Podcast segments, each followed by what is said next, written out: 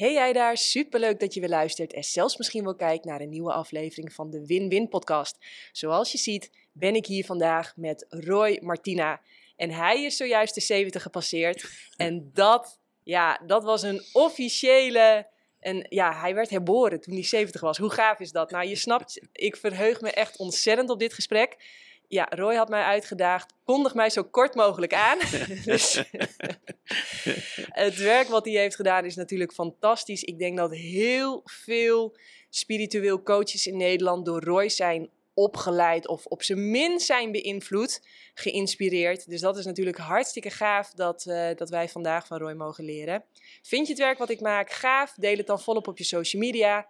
Je mag ook naar jannekevandermeulen.nl gaan en dan zoeken naar de knop doneren en zo je energie aan ons overbrengen. En dan, ja, nogmaals, welkom Roy. Hey, dankjewel. Ik ben blij dat ik hier mag zijn. Ja, je bent net uh, eh, 70 geworden. Klopt. Mhm. Je hebt je naam op je zeventigste in je paspoort laten veranderen. Is dat niet een beetje ijdelheid?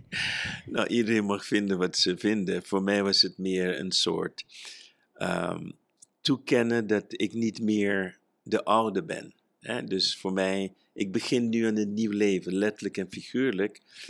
En in bepaalde spirituele tradities hoort daar ook een nieuwe naam bij. En ik heb vroeger altijd gezegd, Roy is mijn artiestennaam. Hè, van zo treed ik naar buiten. Het is eigenlijk een merk geworden, Roy Martina. En nu ga ik het echt embodyen. Nu ga ik van al die jaren studies en zo ga ik nu leven. Eigenlijk helemaal overnieuw. En toen dacht ik, ja, daar hoort een soort ceremonie bij. Dus op mijn uh, eh, 70 verjaardag, het was volle maan, 29 september, en was ik in een wellnesscenter in België, Eliza, die in de vorm van een piramide is. En daar heb ik allerlei ceremonies ondergaan. En ik voelde me letterlijk herboren. Het was echt, dus iets in mij veranderde daarna. En zeker met een volle maan, drie uur in een zweethut is gezeten, waar je tot uiterste van je, ik zou zeggen, uithoudingskracht gaat, waarbij je alles moet loslaten en overgeven, letterlijk aan iets groter dan jezelf. Dus toen dacht ik, ja, het laatste stukje is gewoon dat het echt ook in mijn paspoort staat. En vandaar. Wauw, wauw. Ja, ik heb een vriendinnetje die ook geboren is met een naam die helemaal niet bij haar past. Mm. En ja, ik weet niet wat het is. Ik zei ook direct, ja, lekker aanpassen. Goed zo, doe het. Het is ook een soort van zelfliefde of zo, mhm. dat je zelf kiest. Want ja, zo'n naam, je krijgt het eigenlijk maar gewoon. Ja, ja. Mooi. Nou, je slaat direct een hele interessante brug. Want ik heb jou ooit horen zeggen dat je heel graag ja, dan een nieuwe kliniek wil in de vorm van een piramide. Mhm. Klopt. Ja, de piramide is uh, een vorm van heilige geometrie. Waarin de, een van de dingen die daarin gebeuren is dus dat je, um, wat we noemen, de elektromagnetisch veld van de aarde concentreert. Uh, waarom dat precies gebeurt, weet ik niet. En al in 1980, toen ik in mijn praktijk was, had ik piramides en bijvoorbeeld legde ik um, aluminiumfolie daaronder. En dan wordt het opgeladen en mensen met um, zeg maar insomnia, slapeloosheid, die leggen onder kussen, die slapen zijn tierenlier. Je kan scheermesjes scherp houden aan de piramide. Je kan goedkope Albert Heijn wijn kun je veranderen in dat het smaakt als de beste wijn ter wereld. Dus de piramide is een helende uh, vorm. En uh, dus de piramide die ik wil bouwen, hebben ook zeven verdiepingen, dus zoals de zeven chakras. En elke afdeling dus zit weer vol met kristallen, waardoor je echt dus de representatie krijgt van de zeven energiecentra in het leven. En dan bijvoorbeeld op de onderste laag, daar is het oude medische, de uh, analyses, noem maar op, en, en dat soort dingen, laboratoria, testen. En dan ga je steeds meer naar hogere energievormen. Dus ja, dus uh, ik ben, ben met architect bezig om dat helemaal vorm te geven enzovoorts. En voor mij uh, wordt het een nieuwe vorm van geneeskunde, waarbij we niet alleen mijn expertise, maar van heel veel andere experts samenbrengen om niet alleen een holistisch centrum te creëren, maar ook een onderzoekscentrum waar we bijvoorbeeld kunnen aantonen dat, noem maar iets, kruiden, vitamines werkelijk een verschil uitmaken. Uh, ik heb bijvoorbeeld een kruid uh, gevonden in de Amazone die het potentieel heeft diabetes te genezen. Ik dacht eerst alleen diabetes 2, maar het blijkt ook nu dat iemand zegt, mijn zoon, die heeft diabetes 1, die is ook van genezen. En het is nog een experimentele fase, maar ik wilde ook mijn eerste piramide in de Amazone hebben. Omdat de Amazone alle planten heeft die we nodig hebben om te kunnen genezen. En meer dan dat. Dus dat zijn allemaal uh, ideeën die ik nu na mijn 70 wil gaan doen. Hiervoor heb ik praktisch voor mezelf gewerkt, mijn familie, mijn gezin. En nu wil ik eigenlijk gaan werken, of niet eigenlijk, maar nu ga ik werken voor het grotere geheel. Niet meer voor mezelf, maar wat ik noem voor de nieuwe wereld die nu mag ontstaan. Daar hoort een nieuwe vorm van geneeskunde bij, maar ook een nieuwe vorm van, van educatie. Dus daarin komt ook een nieuwe school. En we zijn nu ook bezig, er komt een boek uit daarover, van hoe het nieuwe leren zal zijn. En hoe we eigenlijk kinderen op de juiste manier kunnen stimuleren, maar ook kunnen ontdekken wat hun talenten zijn.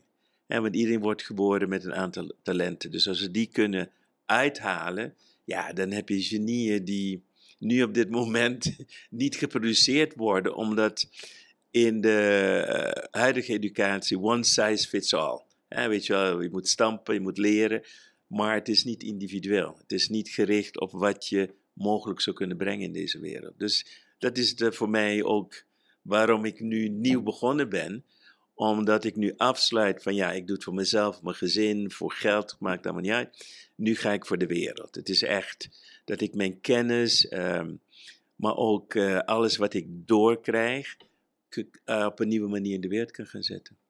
Ja, mooi. Ik heb jou ooit horen zeggen van, uh, ja, je wordt geboren als leeuw, maar dan blijken je ouders uh, schapen te zijn. Wat bedoelde je daarmee? Nou, kijk, ik heb heel veel mensen gehypnotiseerd. Ik uh, heb ook een eigen vorm van hypnose. Quantumhypnose, Quantumhypnose, ja. En wat het interessante is, als je iemand terugbrengt, want alle, uh, alles wat je meemaakt wordt opgeslagen. Het is alleen hoe langer het in jouw on, zeg maar, onbewuste is, hoe moeilijker het soms wordt om het op te roepen. Maar in hypnose kun je echt alles oproepen. Maar vorige levens, parallel levens, waar je naartoe gaat, na je leven, al die dingen worden dan mogelijk. En wat, wat dan naar boven komt, is dat kinderen worden geboren. Ze zijn nog, wat mensen eigenlijk moeten weten is, het is een ziel in een babylichaam. Maar de ziel zelf verstaat alles. Maar dus een momentje op aarde komt, dan kom je in een omgeving waar de, de ouders en de omgeving jou behandelt als een baby. En nou, ze praten ook koeterwaal, ze doen allemaal gekke dingen. Die stomme dingen. Dus de verbazing van het kind, wanneer het dat ziet, die denkt dat wat voor imbeciele omgeving ben ik terechtgekomen. Maar ja, als die stug doorgaan, ga je aanpassen. Dus op een gegeven moment gaat de ziel gaat zich identificeren met de, wat ik noem het programma, uh, de, de conditioneringen, de geloofsovertuigingen die, uh, waar het aan wordt blootgesteld. En dan gaat het naar school. En in school ook leer je in beperkingen en niet in grootheid. Dus we worden geboren als genieën met een enorm potentieel. We kunnen alle kanten op. Alles zit in ons, van een topsporter, eh, wereldkampioen, een muzikus, wat je maar wil. En we gaan dat allemaal beperken. Dus uiteindelijk, wanneer we uit school komen, zijn we maar een klein percentage van onze mogelijkheden. En heel veel um, wegen naar ons potentieel zijn afgesloten. dus als jij bijvoorbeeld op school moeite hebt met talen, omdat de talen niet op een natuurlijke manier worden geleerd. Het is heel onnatuurlijk hoe wij bijvoorbeeld Frans, Engels enzovoorts leren. Uh, en dat is daardoor maak je het moeilijk, terwijl als je op een natuurlijke manier leert, speels en weet je wel, dan is het makkelijk. Dus jij, jij krijgt nu de stigma op, ik ben slecht in talen. Maar je bent niet slecht in talen. Het systeem maakt je slecht in talen. Dan zijn een aantal uh, kids die hebben wat we noemen een, een aanleg, een talent. En, en sommigen behouden die talenten. dus ondanks de omgeving en zeggen, oh, dat is een genie, dat is een virtuose. Kijk hoe geweldig, kijk hoe slim. Maar zij hebben dus op een of andere manier het contact kunnen behouden met hun potentieel. Dus, en dat worden de genieën, de slimmerikken, noem maar op, enzovoort. Ik ben er zo eentje van, weet je wel. Ondanks alle programma's. Omdat ik in mijn eigen illusionaire wereld zat. Ik had uh, wat ik noem uh, verbeeldingsvrienden. Ik heb op mijn elfde begon ik met slaapleren, waarvan de wetenschap zegt, het is onmogelijk. Dus al die zaken, uh, ik heb meegemaakt, mijn, de diagnose bij mij was hersenbeschadiging. Ik had geen focus, ik uh, kon niet concentreren, noem op. Maar toch ben ik overal doorheen gerold, ge, cum laude. Dus dat wil ik ook terugbrengen in de educatie. Dat de kinderen, dus uh, in de nieuwe school, is het ook zo dat de ouders getraind moeten worden om vanaf het moment dat het kind ter wereld komt, om te weten hoe ze het kind kan begeleiden. Want het eerste stuk, die eerste zes, zeven levensjaar zijn cruciaal voor de rest van je leven. Dus we moeten de ouders ook opvoeden van je hebt een genie in huis. Hoe leer je een genie, genie bijvoorbeeld lezen voor de derde levensjaar? Kan je kind? Hartstikke leuk dat ze kunnen lezen. Ze kunnen misschien niet schrijven, ze kunnen misschien niet praten, maar hun hersenen werken al. Dus een, een, baby kan al een taal leren, kan verschillende talen leren. In ieder geval lezen en later misschien ook spreken. Dus er is zoveel dat mogelijk is, dat niet gebruikt wordt. Dus, en, dus daar ben ik met een uh, andere partner bezig om dit vorm te geven.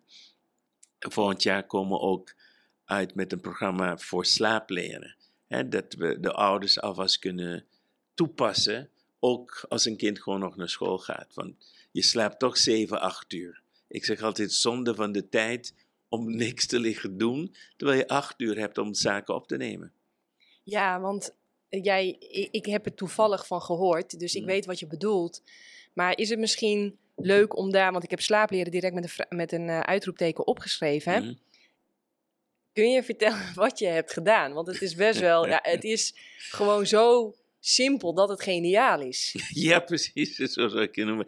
Nou, wat bij mij gebeurde was, ik ging uh, naar de lagere school en omdat ik dan uh, volgens de arts hersenbeschadiging had en niet kon leren, maar het had nergens mee te maken. Ik zat gewoon in mijn eigen bubbel.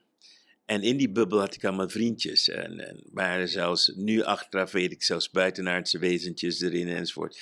En elke keer als ik betrapt werd op dagdroom en bij de les werd geroepen, dan vertelden ze me precies wat ik moest zeggen. Dus ik gaf altijd het juiste antwoord. Ik was zelfs in staat fouten aan te wijzen van de leraar. Dus ik was niet altijd geliefd, moet je zeggen. Maar op het moment dat ik middelbare school ging, uh, ik was toen elf, uh, gaande naar twaalf, verdwenen mijn vriendjes. En dus was ik op middelbare school, toen heette nog HBS. En het eerste semester had ik alleen maar viertjes. Vier, vier, vier, vier. Dus ik ging van super geniaal in uh, lagere school naar de domste op de middelbare school. En in mijn verdriet hoorde ik een stem. Helemaal te neergeslagen, vooral omdat, weet je, teleurstelling van mijn vader was het ergste. Ik, ja, ik schaamde me zelfs om een rapport te laten zien. Maar dus in een moment van totale depressie, dat ik niet meer wist wat ik met mezelf aan moest, hoorde ik een stem. En die stem zei: Alles wat je moet leren, kun je vastleggen op audio en gedurende de nacht naar luisteren. En uh, in die tijd hadden we uh, enorme grote um, audio recorders met hele grote haspels nog. Weet je, kon je 18 uur opnemen. Dus ik nam alle feiten die ik moest leren van de biologie, aardrijkskunde, geschiedenis, nam ik allemaal op de band op. En elke nacht koptelefoon op en dan ging ik slapen. Ik luisterde niet naar letterlijk niet. En zodoende merkte ik op een gegeven moment dat ik een fotografische geheugen ontwikkelde. Als ik iets één keer zag, kon ik het onthouden. Want ik het oplas en weer hoorde gedurende de nacht, is er iets in mijn hersenen veranderd. En ik weet nog dat voor Nederlandse literatuur hadden we verplicht 30 boeken om uh, te moeten lezen. Ik had 200 boeken op mijn literatuurlijst. En uh, er was een man of drie die stonden tegenover mij en die vroegen aan mij van, uh, ja, heb je al die boeken gelezen? Ik zeg, nee, dit is een selectie van de boeken die ik leuk vind. Nou, ze wilden niet, niet, die waren helemaal perplex. En mijn, volgens mij hangt mijn boekenlijst nog in de bibliotheek daar. Op Aruba. En, uh, en ik zei ook nog, je kan elk boek nemen, sorry, op elke bladzijde kun je me vragen wat er staat. Ik weet het gewoon. Dus ik had een goed fotografisch geheugen. Dat is ook een van de dingen die we aan de kinderen kunnen leren. Kinderen, als ze goed getraind worden, kunnen fotografisch lezen en alles onthouden. Beter nog dan snel lezen. want de hersenen kunnen zoveel. Dus zo heb ik voor mezelf uh, wat ik noem slaapleren ontwikkeld. En ik ben cum laude afgestudeerd voor de middelbare school. En ook cum laude afgestudeerd voor, uh, als arts. Een van de jongste cum laude afgestudeerde artsen ooit. Ik was op mijn 22 toen ik afstudeerde. Maar dat kwam allemaal door het slaapleren. Nu, mijn fascinatie met hypnose geeft me nog veel meer mogelijkheden. Ik snap nu nog beter hoe we bijvoorbeeld suggesties aan kinderen moeten geven. Dus we hebben in principe twee soorten manieren van slaapleren nu. En die kunnen naast elkaar of afzonderlijk van elkaar uh, gebruikt worden. Eén is meer gebaseerd op positive reinforcement. Als je tegen een kind vertelt, jij bent goed in leren. Weet je wel, uh, kan alles, je onthoudt alles wat je moet onthouden, noem maar op. Dan versterk je dus uh, het zelfvertrouwen in het kind. En dus zo'n kind wordt goed in leren, wordt goed in talen, wordt goed in rekenen, wordt goed in aardeskunde. Dus dat is één vorm van slaapleren. Dan heb je de tweede vorm van slaapleren, dat is wat ik heb gedaan, is dus contentgericht. Dus wat is het curriculum dat je moet weten en dat leg je vast. En daar zijn we ook mee bezig. Dat voor elke klas het curriculum kunnen vastleggen. Waardoor je ook het content krijgt, maar eigenlijk met de eerste heb je de content minder nodig omdat het je zo sterk maakt dat het daardoor heel makkelijk is. Uh, en nog veel meer dat wil dus bij wat bij mij is gebeurd en waarom uh, zeg maar die eerste nu is ontstaan, is dat toen ik zes was, had de psycholoog mijn vader aangeraden om mij naar judo te sturen. Omdat ik uh, zo agressief was. En ik kwam dus de judo-klas binnen en de leraar, ik weet zijn naam nog, Sensei Nicolas. Sensei betekent Japans leraar. Die kwam binnen. Op het moment dat ik door de deur stapte, keek hij me aan. En hij zei tegen de klas, daar komt een kampioen binnen. Nou, ik was van, wat? Wie, over wie heb je het? Hij zei, ik zie aan jou dat je een kampioen bent. En hij is dat altijd blijven zeggen tegen mij. Hij noemde me champ. En zo werd ik kampioen in judo. Eh, eerst Aruba, toen... Uh, uh, Nederlands Antillen. Later, toen ik uh, medicijnen ging studeren in Utrecht, werd ik Europees judo-kampioen. Toen ben ik overgeschakeld op karate, later op kickbox, ben ook wereldkampioen in geworden. Allemaal omdat één persoon op mij en op een jonge leeftijd tegen me vertelde dat ik alles kon, dat ik alles in me had. Dus ik geloof dat een groot deel van mijn succes komt door dat zelfvertrouwen. Ik weet niet, ik weet dat ik een kampioen ben. Ik word een kampioen met alles. Tafeltennissen, tennissen, noem maar op. Ik ben een kampioen. Het zit in mijn identiteit. Ik heb onwankelbaar vertrouwen in mezelf. Dus hetzelfde als iemand bijvoorbeeld um, slim is en hij doet iets doms, is hij niet dom. Als iemand dom is en doet iets slim, is hij nog steeds dom. Dus ik ben een kampioen als ik faalde. Hoort bij kampioen zijn. Dus je interpreteert het nooit negatief. Als we die kracht meegeven aan de jeugd, ja, dan hebben we een heel andere jeugd dan we nu hebben. En we daarboven ook nog wat ik noem emotionele intelligentie, social skills, uh, mediteren, je lichaam genezen, noem maar op. Uh, ze leren yoga, ze leren de krijgskunsten, ze leren verschillende talen moeiteloos. Ja, dan zo'n kind groeit op.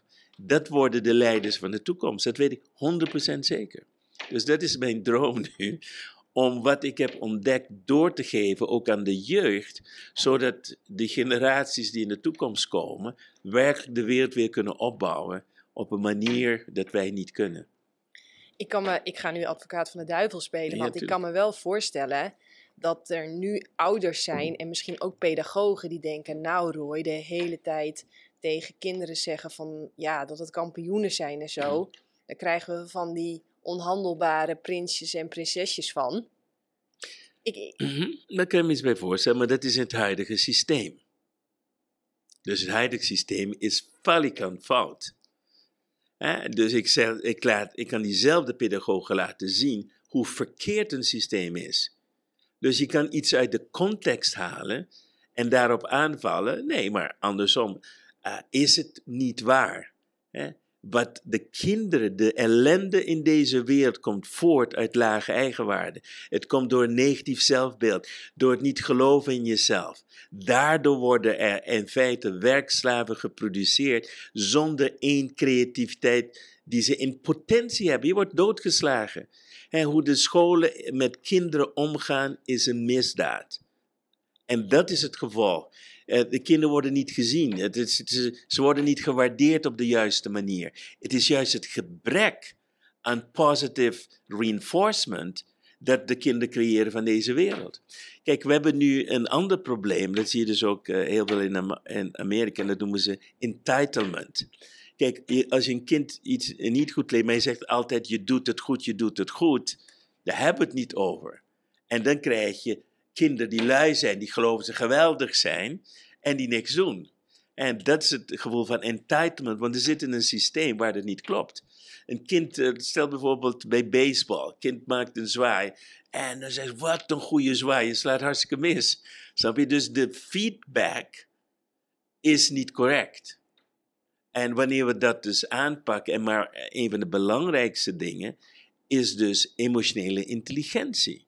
Hoe ga je om met emoties? Hoe ga je om met stress? Hoe ga je om met uitdagingen? Dus je wil zo'n kind niet alleen vertellen dat een kampioen is en verder niks. Er is een heel systeem waarin je de kinderen de social skills ook geeft. En enzovoort, enzovoort. Hoe communiceer je met anderen? Hoe geef je expressie aan hoe je je voelt? Hoe, eh, hoe, weet je, al dat zo geef je grenzen aan. Alle dingen die we missen in onze opvoeding. Bijvoorbeeld ook financiële intelligentie leren we niks van op school. En dan, als je geluk hebt, ontdek je dat later, maar weten we weten echt niks.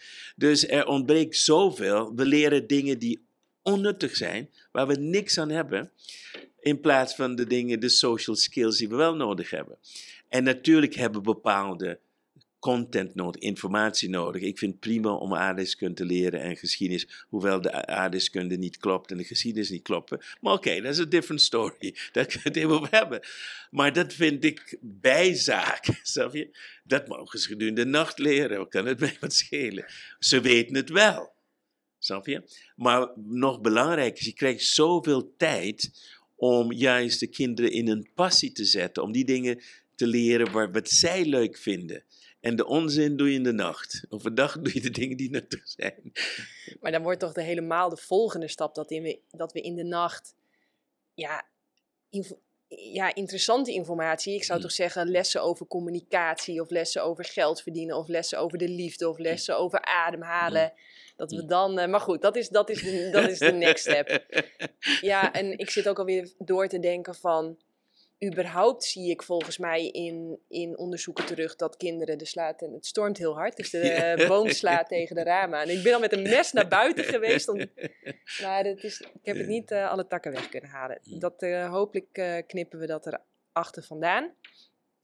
Maar ik zie ook helemaal terug dat kinderen supergoed leren, juist met verschillende leeftijden. Mhm. Dus ja, ik, ik zit soms te denken, moeten we die school niet überhaupt gewoon afschaffen en met elkaar gaan leven? Nou, nou, sowieso. Kijk, dat is een ander eh, thema. We zijn eh, nu bezig ook, we noemen het Societies for the Future. Ehm, dus in zo'n society komt de school, dat is het centrale stuk. Er komt in ieder geval in een van zijn, in ieder geval zo'n hele grote piramide en nog veel meer dingen. En dus de gemeenschap is dus met like-minded people. Dus met mensen die van zeg maar, hetzelfde soort denken zijn, hetzelfde soort eh, visie, eh, normen, waarden. En, en in opgroeien in zo'n omgeving is het mooiste wat er is.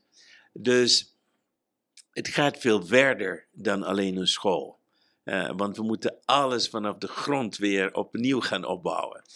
En wat ik weet is dat de aarde niet op deze manier kan doorgaan. Dat weet we 100% zeker. Het is een kwestie van tijd voordat het implodeert op gewoon de onzin die we allemaal aan het doen zijn, wat de regering allemaal doen, uh, geld drukken, noem maar op, uh, enzovoort. Dus het systeem is not sustainable.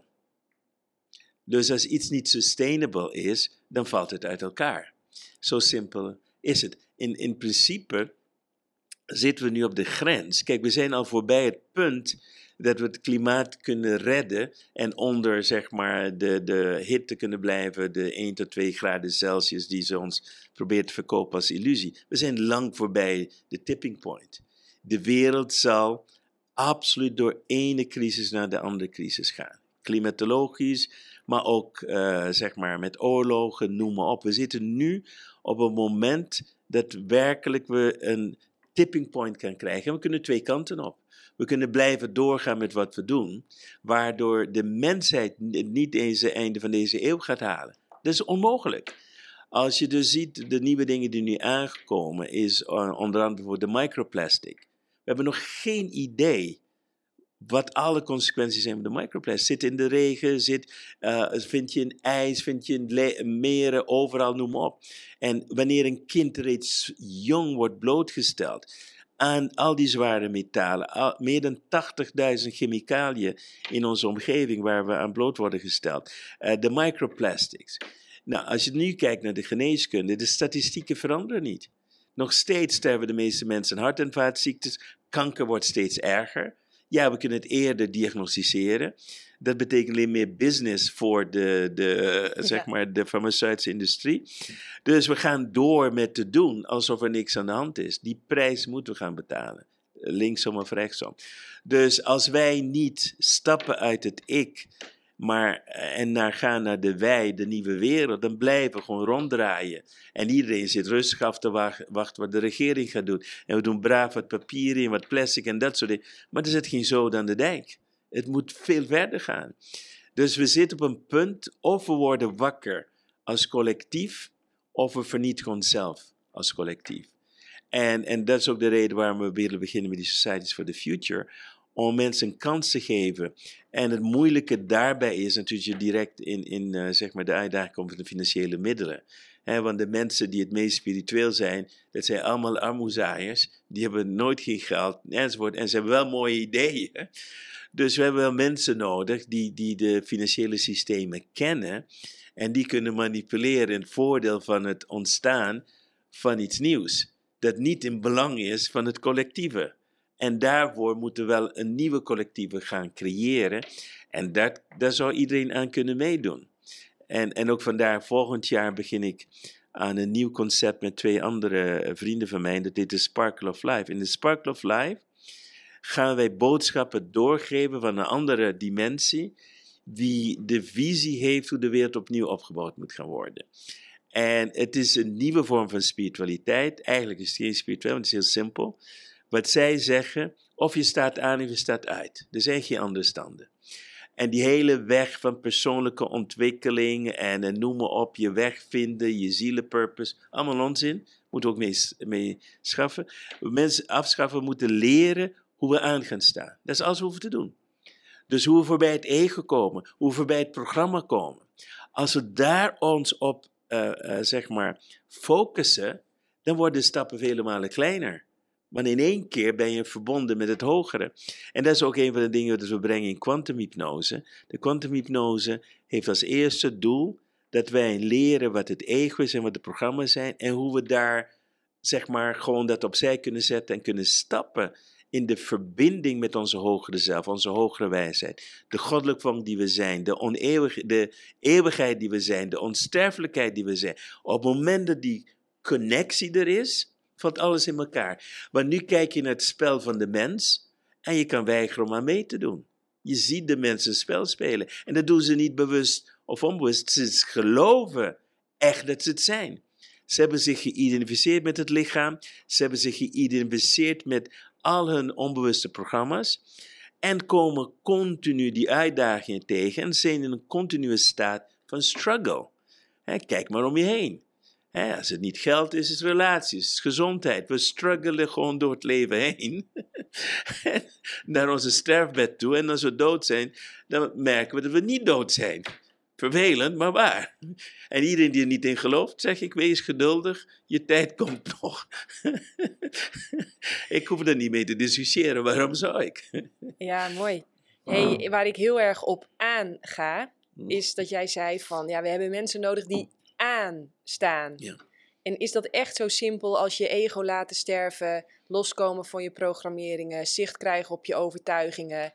En, en ja, het, eh, zou je daar meer over willen vertellen? Ja, natuurlijk. Kijk, het gaat niet om het ego te laten sterven. Kijk, laten we eerst het ego definiëren, want, want daar zit heel veel uh, verwarring over. Het, eh, het ego bestaat uit twee delen. Het eerste deel is een natuurlijk instinct om te overleven. Dus als, als je je adem inhoudt en je wil zelfmoord plegen door je adem in te houden, gaat je niet lukken. Dat is het instinct. oké? Dus, en het instinct werkt op gevaar door het produceren van allerlei hormonen en, en toestanden, steroïden, adrenaline, noem maar op. Zodat wij kunnen komen in een overlevingssituatie van vechten, vluchten of verlamming, dus stilstaan en hopen dat je niet wordt opgemerkt. Dus dat zijn de drie basisdingen in het ego. Dan is het ego heeft een tweede deel, dat is 80% van het ego. En dat is het eh, deel dat geprogrammeerd kan worden. Dus als jij geboren wordt in de Amazone, zal je ego anders geprogrammeerd worden als je geboren wordt in de jungle van een stad. dus daar wordt je ego anders geprogrammeerd. Dus je leert andere dingen die gevaarlijk zijn. In Amazone leer je, kijk, dit, deze slang moet je weg van blijven. Uh, die bessen niet aan komen dit is veilig, zo ga je vissen, enzovoort. Dus het programma is anders, dus je ego ontwikkelt zich anders. En daar zie je ook in heel veel primitieve stammen meer het wij-gevoel. Het gaat niet meer om het ik overleven, het gaat dat de stam moet overleven. dus iedereen zorgt voor iedereen. Dus dat is de basis. Ding. En in het Westen, of in midden geciviliseerde landen, leren we andere gevaren die illusie zijn dus uh, wij leren bang zijn of onveilig voelen als iemand boos is. Of als iemand je niet aardig tegen je is. Of wij leren braaf en gedweet te zijn. Wij leren pleasen omdat dat, eh, als we aardig gevonden worden, dan worden we niet afgewezen. Dus onze ego wordt anders geprogrammeerd. Dan krijg je het volgende stuk, is dat wij ons gaan identificeren met het lichaam. Dus wij praten van ik ben ziek. Nee, je lichaam is ziek. Jij bent niet ziek. Uh, ik ben boos. Nee, jij bent niet boos. Je programma reageert boos. Dus het eerste wat we moeten leren is het onderscheid maken tussen wat we zijn, niet wie we zijn. Wie we zijn is een illusie. Wat we zijn is dus een goddelijke vonk. En op het moment dat je daarmee kan verbinden, dan kun je het ego en programma's niet af. Je ziet gewoon wat het is. En zeg, oh, nu reageert mijn programma weer. En je hebt nu een keuze. Wil ik reageren vanuit mijn programma of reageer ik vanuit mijn hogere zelf? Het kan best gebeuren dat je getriggerd wordt op je programma. Maar wat je moet leren, dat te kunnen zien. Je kan het noemen wat je wil, schaduwkant, uh, noem maar op. Je ziet het, je observeert het, je voelt het in je lijf. En dan heb je een keuze om eruit te stappen. En jezelf af te vragen, als ik nu verbonden ben met die oerkracht dat ik ben, hoe reageert je in zo'n situatie? Ik zie hier iemand die vanuit hun programma hun pijn op mij programmeert. Hoe ga ik hiermee om?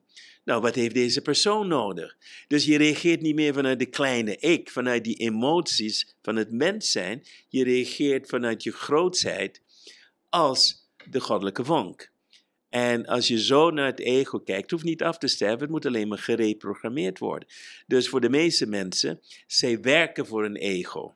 Je moet omkeren, jouw ego moet voor je werken. Ja, mooi. En, het ego is gebaseerd ook in de wilskracht. Dat is een groot deel van het ego. Het moeten, het gaan, het afzien, het opofferingen brengen. Al weet je, omdat het ego wil significantie, het wil bewijzen dat het de moeite waard is, of het geeft of, dan wil het bewijzen dat het niets waard is. Dat zijn de twee standen die het ego heeft. Dus het is fascinerend als je het weet. Ja, prachtig. Mhm. Zeg je heel mooi.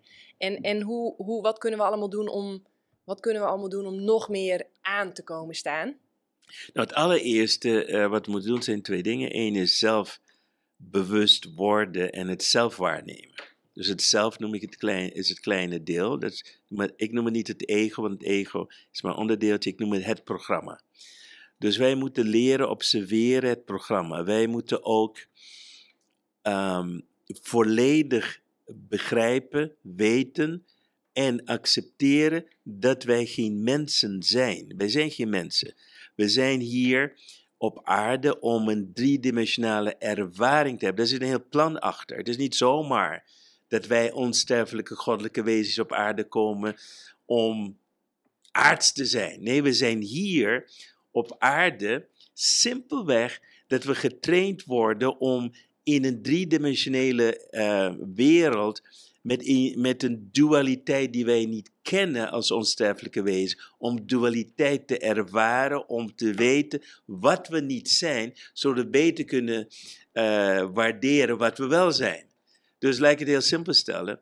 Als jij liefde bent en je groeit op in de omgeving van liefde, je kent niets anders dan liefde.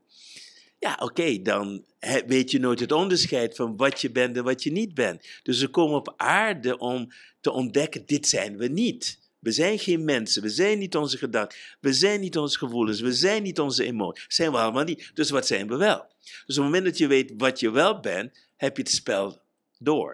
Het spel heet uh, mensen erger je niet, maar dat weet meesten niet. Dus we komen hier niet om ons te ergeren. De meeste mensen die doen dat dus weer wel. Dus we moeten stappen uit het spel. Elke ergernis, elke kwetsing, dat is wat we niet zijn. Hè? Dus wat we zien in de wereld, uh, traumatherapeuten, innerlijk kindtherapeuten, uh, vorige levenstherapeuten, ga maar door met die onzin. Dat zijn we allemaal niet. Je kan je hele leven besteden aan het uitzoeken van wat er allemaal voor goud is in de shit. Maar jij bent goud, waarom moet je in de shit gaan graven? Je? Dus we kunnen die hele onzin van lessen leren. Dat is allemaal opoffering. Dat is de oude tijd. De nieuwe tijd is aan of uit. Er is niks tussen. Dus wat, op het moment dat we het spel doorhebben, dan, en dat is één wat we moeten leren, hoe kan ik aanstaan? Dus het eerst beginnen te weten en het tweede is dus gewoon de vaardigheden om te kunnen switchen. Ja, ja oké. Ik ga toch eventjes, want ik, ik vind het fantastisch, hè? En, het, en het, in theorie is het ook zo. Terwijl als ik nu met een hamer op jouw vinger ga slaan, wat ik natuurlijk niet ga doen, maar stel je voor, dan is die pijn daar toch echt. En hetzelfde is, stel je voor, je maakt een groot verlies mee, en je verliest een dierbare, dan is die, dat verdriet en dat gemis, dat is er echt. Dus? Nou, als we aan zouden staan, dan zouden we zien, ja, dat is onderdeel van de menselijke ervaring. Uh, ja, het is een zekerheidje dat je doodgaat. Uh, ja, er wordt maar op mijn vinger geslagen, die pijn gaat wel weer weg. Ja, daar zou je er op zich helemaal niet druk over hoeven maken. Snap je wat ik bedoel? Je hoeft er ook niet druk over te maken. Nee, je hoeft er ook niet druk over te maken. Nee, dus dat is ook precies helemaal je punt. Ja, kijk, als, als stel nu uh, hamer, laten we dat voorbeeld nemen. Oké, je hebt twee dingen, pijn, auw, dat is het lichaam dat reageert, niks mis mee. Nu kan ik, uh, stel dat mijn vingerkootje gebroken is, dan gaan we een slag verder. Ik kan naar een arts gaan die, die niks weet en die dat in een spalkje stopt. Of ik kan gewoon met mijn mind of met mijn geestelijke kracht het genezen. Dat is een keuze. Ik kan pijn, binnen een minuut kan ik dat weghalen. Ik weet hoe pijn te beheersen. Dus er zijn allemaal dingen die je kunt leren. Dat is het probleem dus niet. Als iemand overgaat en je hebt rouw, ja, dan is het omdat jij het niet weet wat overgaan is. Die persoon is er nog steeds. Ik kan er nog steeds mee praten. Ik kan met mijn vader praten, mijn moeder. Mijn moeder was uh, een week geleden zes jaar dood. Nou, ik ben met mediteren en ik ben gaan verbinden met haar en gewoon vragen hoe het met je gaat. Noem. De geest bestaat. Dus op het moment dat je dat niet weet, ja, dan doet het pijn. Maar dat is jouw ego jouw programma die dat creëert. In een andere uh, primitieve volkeren zie je bijvoorbeeld, als iemand overgaat, zijn ze heel blij. Zeg ja, die gaat naar de eeuwige jachtveld. Goh, je hoeft niet meer te lijden, je bent klaar. Die voorouders wordt geëerd, noem maar op. Snap je? In Mexico hebben ze feest der doden. En zeggen ze, ja, als er niet meer over de doden wordt gesproken, bestaan ze niet meer. Dus het is een cultuurding. Dus waarom moet ik geloven dat het waar is? Ze begrijpen wat ik bedoel. Dus hoe meer kennis je hebt, hoe meer verbonden je bent met je goddelijke vonk, hoe minder dit soort dingen een effect op jou hebben. Het rouwproces, nou, in sommige culturen, religie, moet je een jaar lang in het zwart rondlopen. Wat een onzin. Wat ik bedoel? ja, als je weet, ik weet wat er gebeurt nadat men is overgegaan. Wat er gebeurt. Die, die, die spirit, noem het, noem het maar, de, de echte uh, persoon die je kende, die is nog steeds aanwezig in de driedimensionale ruimte. Eigenlijk is in de vierde dimensie. Die zijn dicht bij jou. Die proberen op allerlei manieren je te vertellen: ik ben oké. Het gaat goed met mij. Ik ben klaar met lijden. En jij zit daar in je diepe verdriet. Daardoor kunnen ze niet met je communiceren. Dus als je uit je verdriet zou stappen en je gaat nu contact met ze maken, kun je met ze praten. Het is helemaal niet moeilijk. Iedereen kan het. Kinderen kunnen het. Waarom doen wij het niet? Dus wij zitten in een culturele patroon dat in ons ingestampt wordt. En als wij ons niet schuldig voelen, als wij, ons niet, als wij niet trouw en geen verdriet hebben, dan klopt er iets niet met jou. Dan ben je gevoelloos. Of psychopaat, weet je wel. Je, hebt, je, je bent egoïst, noem maar op. Dus de, de stigma die op je wordt gelegd als jij niet de traditionele vormen volgt, is intens. En als jouw programma dusdanig is dat je aardig gevonden wilt worden door de wereld en alles en andermans, dan ben je de klos. Dat is het probleem waar we mee zitten. Niemand gaat dood. En het klinkt heel hard, eh, ik zeg niet dat, dat ik voorstander ben van oorlog. Ik ben tegen oorlog. Laat alleen maar zien hoe dom we zijn, hoe, hoe geweldig wij gevangen zitten in een systeem die profiteert van oorlog. En wij weten niet eens wat er achter de schermen gebeurt. Ik kan je garanderen dat wat je ziet absoluut niet is wat er gebeurd is. Maar het is wel ellende vanuit het mens zijn. Maar tegelijkertijd hebben deze zielen gekozen om dit te ervaren. Dus als ziel moet je in het onsterfelijke, laten we het noemen mijn goddelijke vonk, die wil alles ervaren over mens zijn. Die zegt, ik, heb nog, ik ben nog nooit verdronken. Ik ben nog nooit zo gezond. Ah, het lijkt me leuk. Volgend leven ga ik verdrinken. Dus prachtig. Voor de ziel is het een ervaring. Voor de mens is het anders, omdat we in een programma zitten. Snap je? Dus als we kijken naar iemand die blind is, kunnen we daar ideeën over hebben. Maar de ziel, die zegt, wauw, ik ben aan het ervaren hoe het is om blind te zijn. Dus we kijken alleen maar vanuit de derde dimensie. En wanneer wij, bijvoorbeeld met behulp van de kwantumhypnose, ons kunnen verbinden met de ander, zien we een heel ander beeld. Dan praten we tegen de goddelijke vonk. En die zegt, nee, ik heb hiervoor gekozen, daar en daarvoor reden. Want dit is wat je aan het leren bent door dat en dat en dat. Oké, enzovoort. En zo gaat het maar verder. Dus zolang we kijken vanuit ons mens zijn, zien we alleen maar problemen. Wanneer we kijken van onze hogere wijsheid, zien we alleen ervaringen. niet vanuit een dualiteit. Niet een ervaring is goed of slecht. Het is een ervaring. En in mens zijn kun je nog uh, een stapje verder gaan. Heb ik wat van de ervaring geleerd of niet? Maar de meeste mensen leren niks van de ervaring. Die hebben nu een trauma en ze reageren niet vanuit een trauma. Snap je? Terwijl er zijn helemaal geen trauma's vanuit de ziel gezien. Even voor de helderheid. Het is een ervaring die jij gekozen hebt. Die jij bedacht hebt voordat je hier kwam. En toen zei je vrolijk, je bent wel onder invloed, want in de hemel is iedereen happy en blissed. Toen dacht je, dit is leuk. Hier is het niet zo leuk. Snap je? Ja, ja nee. Ik was uh, vorige week bij, uh, bij Eckhart Tolle. Mm-hmm. En die zegt ook de hele tijd: All is well. Mm-hmm. All is well. Dus op microniveau, tuurlijk hebben we pijn en is het echt ellende en bla bla bla. Maar dat is omdat dat ego, sorry, ik noem dat, dat toch de ego, de hele tijd meent van. Uh, dit is goed, dat is slecht, dit is, ja, dit had moeten gebeuren, nee, dat had niet moeten gebeuren. En door dat verzet, eigenlijk, omdat wij de hele tijd denken van het beter te weten, ja, dan ontstaat heel veel lijden. Terwijl hij zegt, als je uitzoomt, het, plan loopt helemaal volgens plan. en, maar goed, mijn vraag was, we willen graag aanstaan. En mhm. toen zei hij, nou, twee dingetjes. Aan de ene kant zelfobservatie, dus mhm. observeer van, hé, hey, mijn programma gaat aan of uit. Mhm. Dus ik zit nu te wachten op nummertje twee. Wat kunnen we nog meer doen, laten, oefenen, trainen? Ja, ja dus het tweede stuk is um, de verbinding. Dus op het moment dat jij in dat menselijk stuk komt in het programma, dan heb je een keuze te maken, is om je opnieuw te verbinden. Dus wat we moeten leren is, wat zijn we en wat, hoe voelt dat om verbonden te zijn? En, en om dat te kunnen, En, en daar speelde, speelde de hersenen een heel belangrijke rol in. Want we hebben in de hersenen een aantal elementen die belangrijk zijn.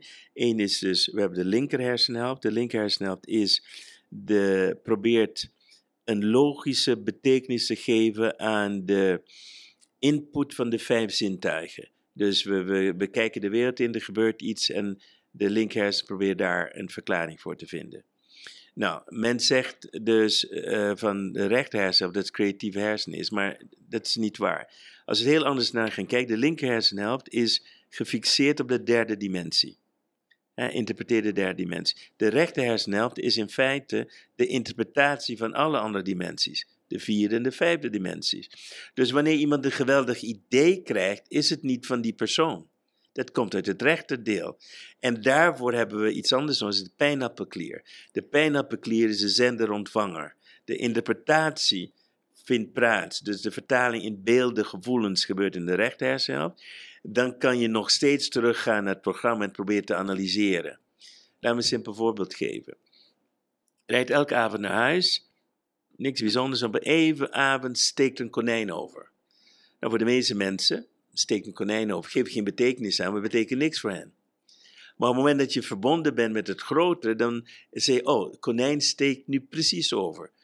waarom heeft het universum ervoor gezorgd dat ik nu een konijn zie oversteek? Dus dan ga je verbinden met via, recht, via pijnappelklier rechterhels en dan ga je vragen, oké, wat is de betekenis van de konijn? Dan zeg je, oh, je moet opletten op dit en dat. Je rent weg van dit of dat, of wat dan ook. Dus alles wat er gebeurt in de derde dimensie, daar zit een blauwdruk achter in de hogere dimensies. Zelfs ziekte is een, gevolg van de hogere dimensie. In de, in de derde dimensie ga je naar, met ziekte ga je naar een dokter toe.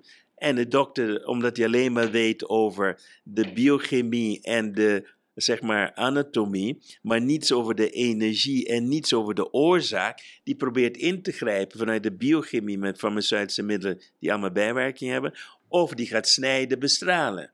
Dus dat is de beperking van de geneeskunde, maar die komen nooit achter de oorzaak. Ze stellen wel een diagnose, maar een diagnose is niets dan vaststellen van de feiten.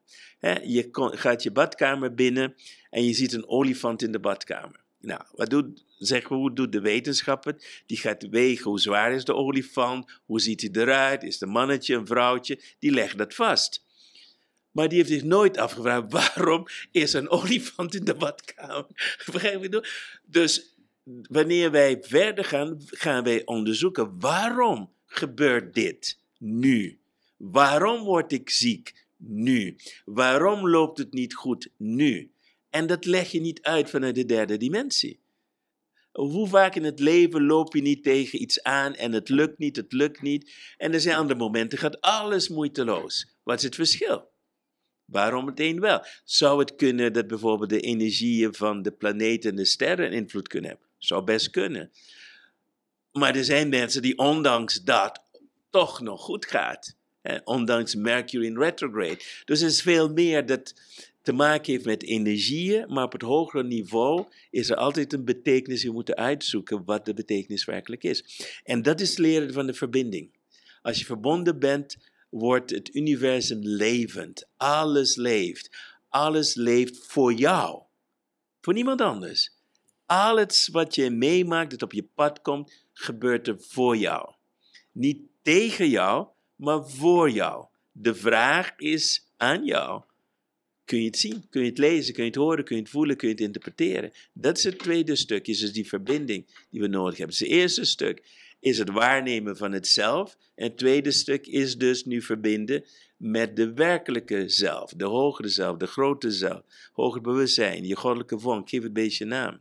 Dat zijn de twee stappen. En het is een leerproces in, dat, in die zin. En die leerproces kun je uh, versnellen door bepaalde technieken. Bijvoorbeeld één ding zou kunnen zijn Quantumhypnose, uh, andere iets dat een training die ik geef is bijvoorbeeld leren channelen. Um, wij doen ook quantum jumps, dat is springen naar een andere parallele tijdlijn waar je reeds meesterschap hebt bereikt in dat wat je wil, waar je je droomleven leeft. Daarmee kun je ook verbinden, want in je potentieel is het er al. Het is alleen maar hoe kun je daarmee resoneren. Want in het kwantumveld werkt alles op basis van frequenties. Dus als ik iets in mijn leven wil veranderen, hoef ik alleen mijn frequentie te veranderen. En dan komt het naar me toe. En als het naar me toe komt, dan uh, stel ik opnieuw de vraag: is dit echt wat ik wil? Ja, prima. Als het niet is, nou, wat wil ik dan weer wel? En zo blijf je creëren en manifesteren. En kwantummanifestatie is gebaseerd op één wet, en dat is de wet van moeiteloosheid. Dus het is, en dat is de wet van magnetisme. Je trekt aan dat wat bij je frequentie past. Maar je kan ervan weglopen, je kan andere dingen gaan najagen, wat niet bij je frequentie past. Dus heel veel mensen jagen na om rijk te worden, maar het lukte niet, omdat ze de frequentie niet hebben. Een ander doet niks en wordt rijk. Die hebben de frequentie daarvan. Dus als je dat begrijpt, dan ga je leren hoe je frequentie gaat veranderen. Het moment je weet hoe je frequentie gaat veranderen, is dat de meeste moeite dat je doet, is je frequentie veranderen. De rest is moeiteloos. Wauw. Wauw, ik ben super nieuwsgierig ook wat jij allemaal doet om op een lekkere frequentie te blijven. hey, maar ik heb jou ook ooit horen zeggen dat elke vorm van ziekte heeft ook een frequentie. Mhm. Dus, dus is het echt gewoon een spelletje van zorg dat de, de keep the vibe high? Nou, eh, kijk, ziekte heeft een, een, een frequentie. We zien ook een steeds meer toenemen van frequentietherapie. Ehm, we kunnen bijvoorbeeld kanker kunnen we ook met frequenties behandelen.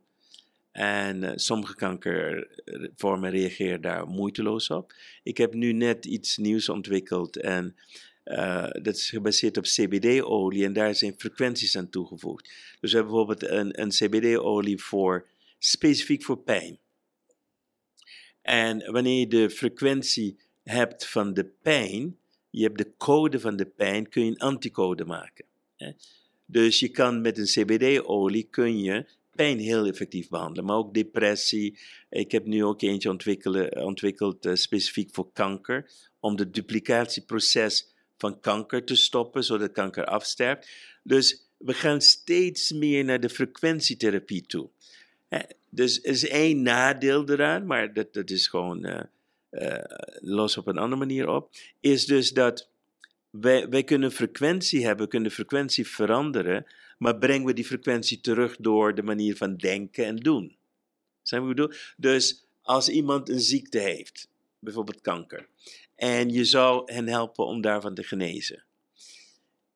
In, als zij veranderen in de manier van denken, Ja. dan zullen ze nooit meer kanker Nee, krijgen. klopt. Snap is, je? het is, het Dus is, een de stukje- genezing zit in dat bewustzijn. Precies. Dus er zit ook een stukje opvoeding bij. Dus je moet leren, wat moet ik veranderen? Nou, vandaar dat ik bij mijn CBD-olies heb ik ook audio's gemaakt. Zodat het programma kunnen ombouwen.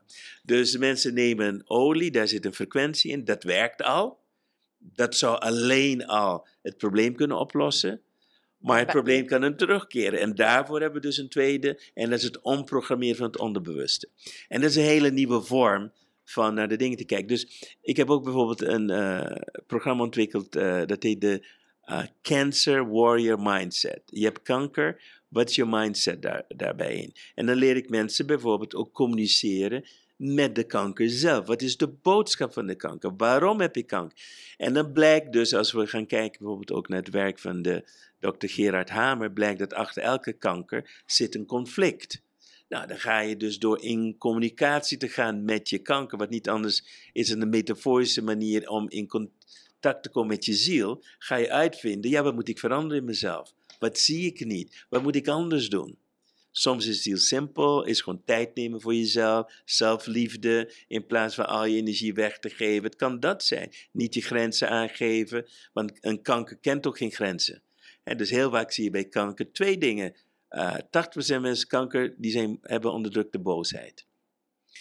En wanneer dat gecombineerd wordt met niet je grenzen aangeven, dus vooral wat we noemen de, de passieve agressie, dan is een grote kans dat die agressie tegen je keert.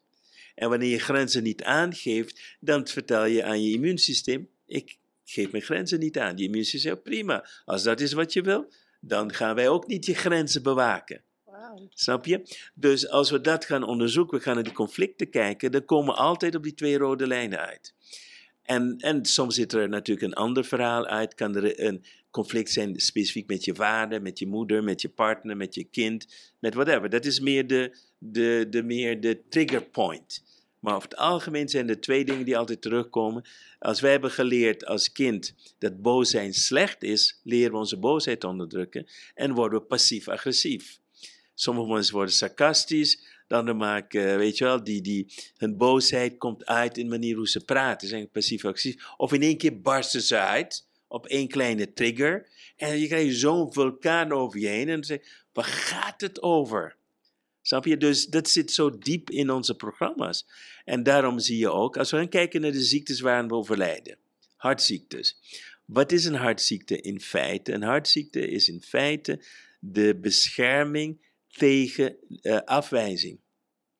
Dus in, uh, een vriend van mij die is cardioloog en die is, hij is een holistisch denkende cardioloog. Hij is nog steeds cardioloog, want hij moet binnen de grenzen van de geneeskunde blijven bewegen, anders verliest hij zijn licentie om cardioloog te zijn. En die zei tegen mij, van de meeste hartinfarcten komen vanuit een gebroken hart. Dus een, een van de trauma in, in afwijzing. Nou, dat zegt een cardioloog. Oké? Een andere cardioloog zou zeggen, ja, het is gebrek aan vitamine dit, magnesium, co-cugency, whatever. Maar de diepte van de reden waarom, zeg maar, vitamines enzovoorts niet worden geabsorbeerd, heeft te maken met conflicten weer. Dus we kunnen iemand volstoppen met één, maar dat verandert niet de oorzaak. Dan gaan we kijken naar kanker. Nou, dat heb ik net aangegeven. Kanker is ook een emotioneel conflict. Dus we kijken naar de twee topziektes waarvan bijna driekwart van de mensen aan kapot gaan. Heeft allemaal emoties. Ik, leerde, ik leerde dat uh, volgens mij naar de dokter gaan de belangrijkste doodsoorzaak aan het worden is.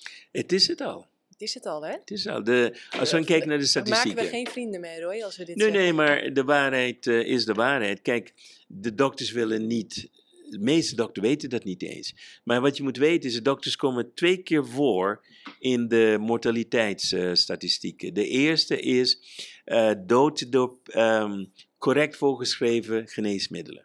Dat is nummer één. Daar is onderzoek naar geweest door een dokter Gary Null, Null met twee dubbel L. En die heeft dus uh, laten zien aan basis van de cijfers dat uh, de artsen door te doen wat zij doen, in feite dus mensen naar de afgrond brengen.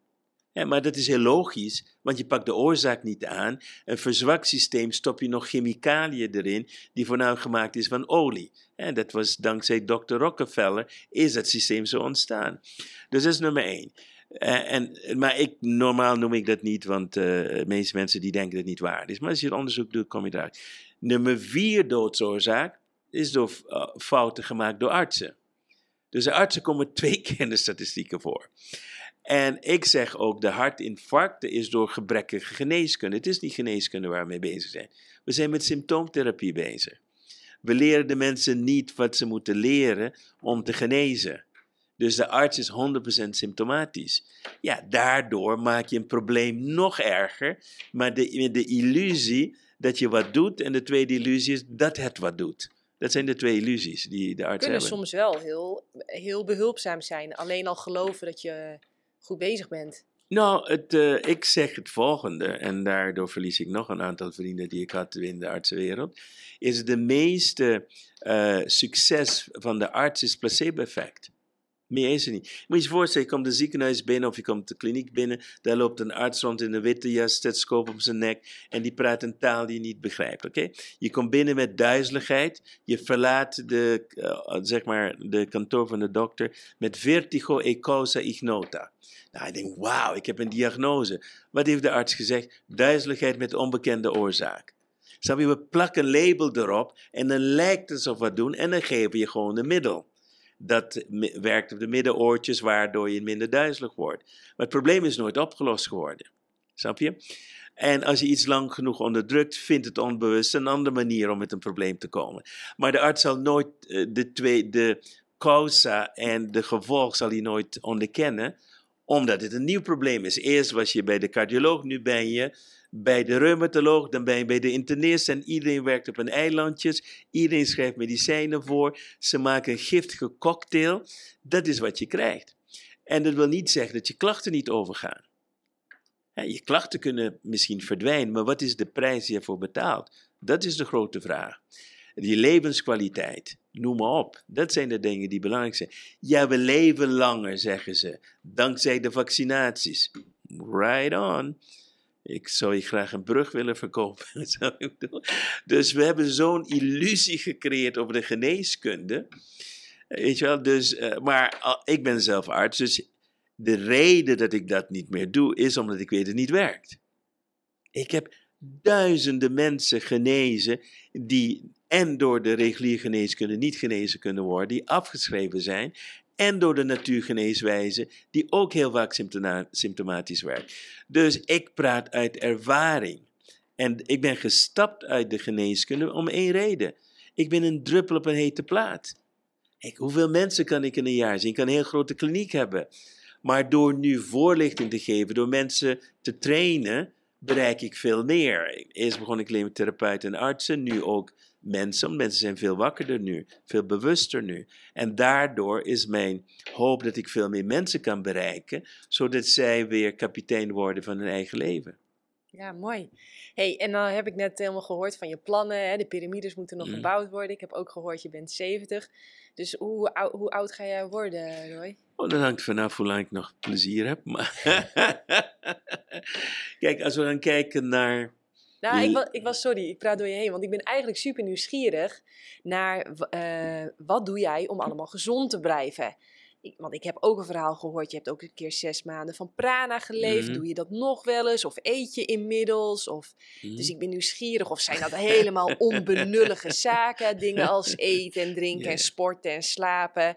Zit dat, is dat allemaal programmering? Dus ik ben heel nieuwsgierig uh, ja, hoe je dat aanpakt. Yes, dus ik ben super nieuwsgierig. Want ik hoorde, je, ja, je hebt veel plannen. Mm.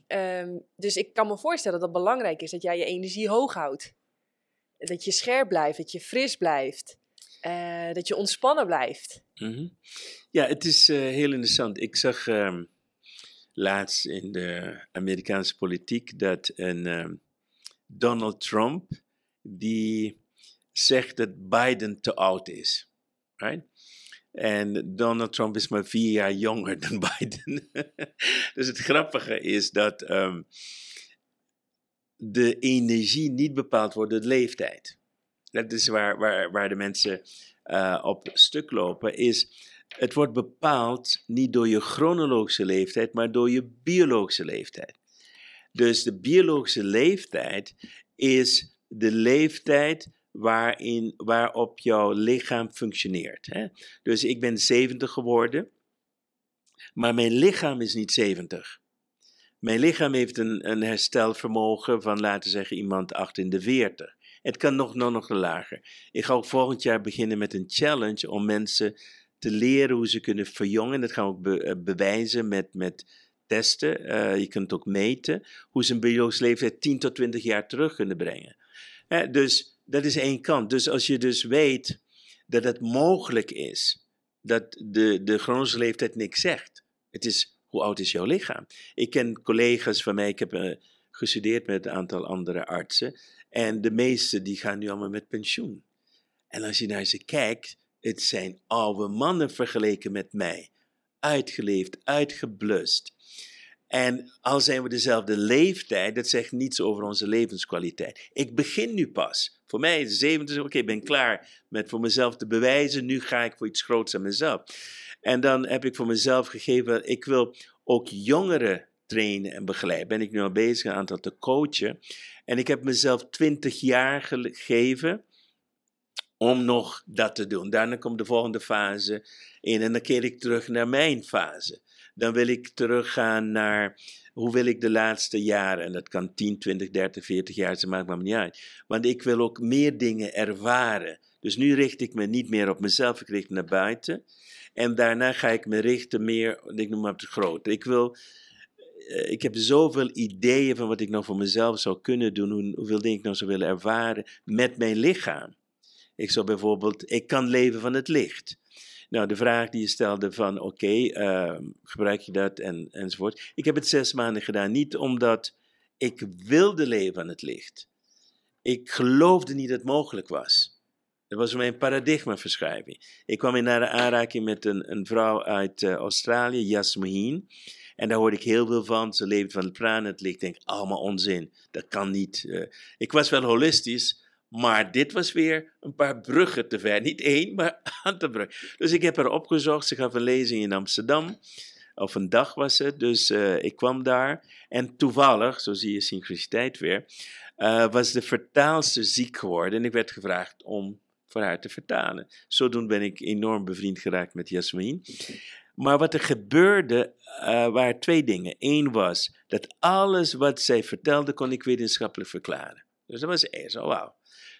Tweede was dat nadat ik een dag met haar doorgebracht, ik voor twee weken bijna niet in staat was te eten of te drinken. Ik moest mezelf forceren. En dat vond ik interessant. Toen dacht ik, als dat zo is, dan moet, moet ik het ook kunnen ervaren. Dus toen ben ik begonnen aan een proces, ongeveer drie weken, waarbij je nog uh, een paar theelepeltjes per water drinkt, verder niet, mediteer de hele dag. Je bent niet met buitendingen bezig, je bent helemaal met jezelf bezig. En na drie weken ongeveer ben ik overgegaan op leven van, we noemen het prana, chi, energie, elektromagnetisch veld, geef het beetje na. Wat het werkelijk is, dat het alleen kan als, het verbonden, als je verbonden bent met je goddelijke vonk. Je goddelijke vonk voelt, uh, voedt je lichaam. En wat leert je dat? Nummer één is dat alles wat in de geneeskunde wordt gezegd over essentiële aminozuren, vitamines het lichaam niet aanmaakt, uh, essentiële vetzuren, al die dingen zijn niet waar op het moment dat je in verbinding bent. Dus dat is het eerste. En uh, er zijn een paar redenen waarom ik ben gestopt. Nummer één is, het is ook een aan-uit-knop. Ik kan het aanzetten wanneer ik wil. Dus wanneer ik bijvoorbeeld de Amazone inga, en ik ga minstens één tot twee keer, keer per jaar de Amazone in, dan ga ik eerst een week overschakelen op leven van prana. En dan verbind ik met de Amazone en dan leidt de Amazone mij waar ik moet zijn. Zo heb ik bijvoorbeeld één kruid gevonden voor diabetes. Maar er is nog veel meer, er is een schatkist daar die nog, en nog heel veel dingen zijn niet ontdekt. dus dat is een van de uh, manieren waarop ik het gebruik. Het kan ook uh, soms als ik een, uh, zeg maar een training wil geven dat heel erg intensief is. Bijvoorbeeld je gaat in de woestijn met een groep mensen, dan ga ik liever over op het licht. Want dat is voor mij een stuk makkelijker. Dan hoef ik uh, niet mijn lichaam verzorgt voor alles. Zodat de juiste hoeveelheid vocht in mijn lichaam zit. Ik hoef niet te eten, dus mijn lichaam herstelt zich veel sneller, enzovoort, enzovoort. Um, dus, en soms heb ik uh, bijvoorbeeld uh, één of twee keer per jaar, doe ik wel eens twee weken verbinden. Want wanneer ik dat dus doe, ervaar ik hoe het is om verlicht te zijn. Ja, want dan is eh, wat, wat we noemen het ego, het programma, 100% uitgeschakeld. Je bent alleen maar liefde. Er is niks anders. Maar voor mij wat super interessant is, ik kan mensen veel sneller genezen. Ik kan met handopleggingen, kan ik mensen gewoon genezen. Ik kan lezen wat in de mens gebeurt, wat een probleem is, in vorige levens, noem maar op. Dat gebeurt dan, want dan ben je zo verbonden met alles wat er is. Er is geen onderscheid meer tussen mij en de ander. Dus ik met die ander ben, kan ik alles voelen wat in die ander is. Dat, ik kan dat nu ook voor een gedeelte, maar het vraagt meer uh, focus. dus ik kan goed intunen in mensen, ik kan uh, problemen uitvinden, maar daar, daar is het 100%. En mensen merken het ook aan je. Je, je vibreert op een andere frequentie. Ik word op straat aangesproken, ik word gehukt door mensen. Mensen willen bij me komen zitten, noem maar op. En dan praat ik niet over mensen die me kennen. Dat gebeurde in Amerika bijvoorbeeld. Dus het heeft een aantal voordelen om dat te doen. Maar het belangrijkste uh, reden waar ik ben gestopt is dus nummer één, dat iedereen wil alleen maar praten over het licht. Ik heb nu een boek geschreven, dat heet Leven van Quantumenergie. En dat was niet mijn missie. Mijn missie op aarde is niet mensen leren leven aan het licht. Mijn missie hier op aarde is om de geneeskunde te veranderen. En de tweede missie is de educatie te veranderen. En daarvoor heb ik alle andere missies gehad, maar dat was om te leiden naar deze twee belangrijkste missies voor de nieuwe wereld die gaat aankomen. Al het andere heb gedaan was alleen maar opwarmen voor dit. Eh, dat was één. Tweede was er zo dat uh, de laatste keer dat ik dus deed, en was het ook zo dat mijn vrouw, die werd bezorgd over onze dochter. Omdat mijn vrouw zelf vroeger heeft geleden aan anorexia nervosa. Dus zij was meer bang dat mijn dochter dat ook zou gaan doen. En, en kijk, en we zijn al een gek gezin. Hè? In Amerika noemden we ons rijke hippies. Dus onze dochter had heel veel problemen al op school. En hoe moet je dan aan andere kinderen gaan uitleggen dat je vader niet eet, niet drinkt? Dan ben je helemaal gestoord. Dus uit dat was het een van de belangrijkste redenen. De tweede reden uh, voor mij was dat wanneer je zo leeft in het licht, dat je motivaties heel anders zijn. En je wordt niet meer gedreven door het ego. Terwijl ik nog dingen had af te maken waar ik de wilskracht, de power van mijn ego meer voor nodig heb. Dus dat is een andere keuze. En de derde is heel simpel, het is heel saai. Dus iedereen eet. Daar zit je dan, weet je wel, niet te eten. Dus, het, dus ik ben Antilliaan, dus wij houden sowieso van eten. Dus sociaal-technisch is het echt niet leuk, snap je? En ja, en dan, uh, ja, je kan een beetje soep nemen, maar je neemt niet de soep voor de soep. Je neemt voor de gezelligheid. Dus dat waren voor mij de reden. En ik ben nog steeds, ik was toen nog steeds echt gedreven door het feit, er is nog zoveel te doen. Wanneer je dus leven praten, ben je meer bezig te zijn. Dat is een groot verschil. dus je bent een, uh, zonder praten ben je een human doing. Met praten, nee, human doing. You're not being you, or you're being human, kun je ook zo noemen. of je bent, wanneer je leven praten, ben je human beaming. Het is niet being, beaming. Dus je straalt licht uit. En dat merken mensen. Die mensen voelen dat er iets aan de hand Een soort van levende piramide. Ja, dan ben je levende piramide. En je wordt guru genoemd. En dat is allemaal uh, waar ik geen identificatie, identificatie meer heb. Ik zie me meer als, als, een student van het leven dan ik een guru ben. Ik, ik weet mijn weg en ik, ik heb enorm veel tools. Ik geef tools door aan mensen. En niet, ben niet degene die jou gaat vertellen hoe je leven gaat leiden. Ik ben degene die jou gaat vertellen, dit is wat je kan doen om je leven beter te maken. Dat is heel wat anders. Ja, mooi. Mooi. Dus uh, eigenlijk eet je nu gewoon voor de gezelligheid. Ja, ik eet uh, voor plezier. ja, voor plezier, om aangesloten te blijven bij de groep. Ja, om geaard te blijven geaard ook. Dat is heel belangrijk. Dat is om, om ook je spirit te aarden. En ik, ik eet, zoals ik zeg, van plezier. Uh, ik eet niet uit gewoonte. Dus uh, ik eet wanneer mijn lichaam zegt, het zou goed zijn om te eten. En ik kan twee dingen dan doen. Ik kan zeggen, hier is uh, een beetje energie, ga maar lekker verder lopen. Of ik kan iets geven. Dus ik ben niet echt hongerig in die zin. Weet je, maar mijn lichaam, naarmate je dus eet, die, die heeft wel een bloedsuikerspiegel. Dus die bloedsuikerspiegel kan dalen. En dan voel je je wat hongerig. Maar ik kan dat, met mijn mind kan ik dat veranderen. Kan dagen niet eten. Ik kan dag heel veel eten, hoewel me dat niks doet. Uh, dus ik zeg, ik eet alleen voor plezier, om mijn lichaam te behagen, maar niet omdat het goed is. Ik hou van bepaalde dingen die toevallig gezond zijn, maar ik eet niet omdat ik gezond moet eten. Dat is een heel groot verschil. Ja. Dus als, als ik dit verder uitpolariseer, dan is er iets dat mensen ook moeten weten, is dat er is geen uh, goede manier om te leven. Want alles wat je doet, kan nog steeds leiden tot ziekte.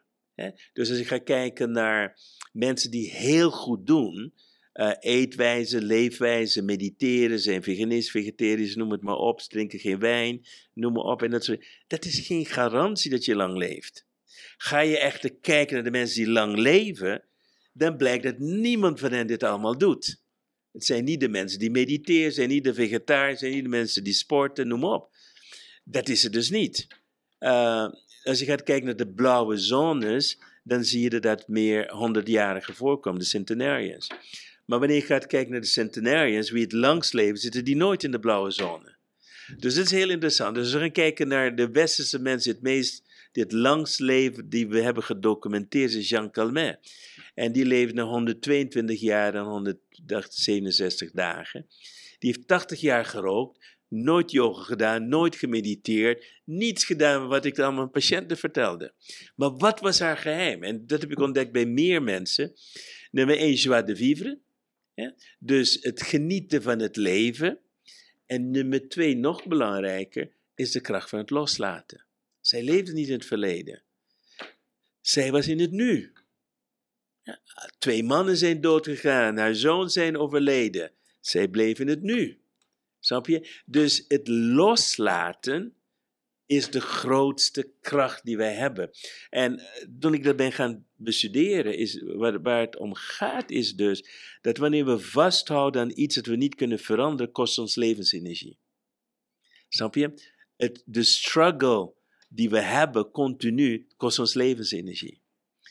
En als jij een goede mindset hebt en slecht eten, dan leef je langer dan iemand met goed eten en een mindset van, ik noem het seriositis. Seriositis is de werkelijke reden van sterven. De meeste mensen zijn te serieus, zijn te zwaar. Dat is de ergste ziekte die er is. Dus dat serieus, het leven serieus nemen. Geloven dat het allemaal waar is. Je best doen om aardig en lief te zijn, succesvol te zijn. Dat is je grafgave. ja. je? Ja, nee, ja, wat mij betreft kunnen we nu de, de podcast wel stoppen. Want ja, ik, ik zei het letterlijk laatst nog in een podcast. Volgens mij is dat echt volksziekte nummer één. Ja. Die sere neus. Zo, maar serioitis, die is ook erg leuk. Ja, ja. En, en, en qua sporten dan, en vroeg naar bed en, en die telefoon, is het eigenlijk allemaal wat nou, maar ik kan me wel voorstellen dat die telefoongebruik, het maakt relaties kapot. We zitten de hele tijd naar zo'n scherm te staren. We praten niet meer met. Ja, ik. ik, ik wat... Ja, nou kijk, we leven in de meest bijzondere tijd aller tijden. Um, onderzoek wijst uit dat te veel zitten net zo erg is als roken. Right? Dus, en we zitten veel te veel. Als je dan kijkt naar de statistieken, als je elke dag beweegt, leef je langer. Simpel. Je lijdt minder aan hart- en vaatziektes. Dus het speelt wel een rol hoe je met je lichaam omgaat. Ik, vanaf ik me kan herinneren, sport ik. Sporten heeft weer een aantal voordelen en het hangt een beetje af van goede sport. Maar wanneer je dus sport en beweegt, creëer je endorfines. Endorfines maakt dat je je lekker voelt. Ik voel me lekker, niet altijd tijdens sporten, want ik doe extreme sporten. ik hou van high intensity interval training voor verschillende redenen, omdat je in korte tijd mee kunt bereiken. Right? Dus sporten geeft mij een lekker gevoel en het maakt dat mijn lichaam zich lekker voelt.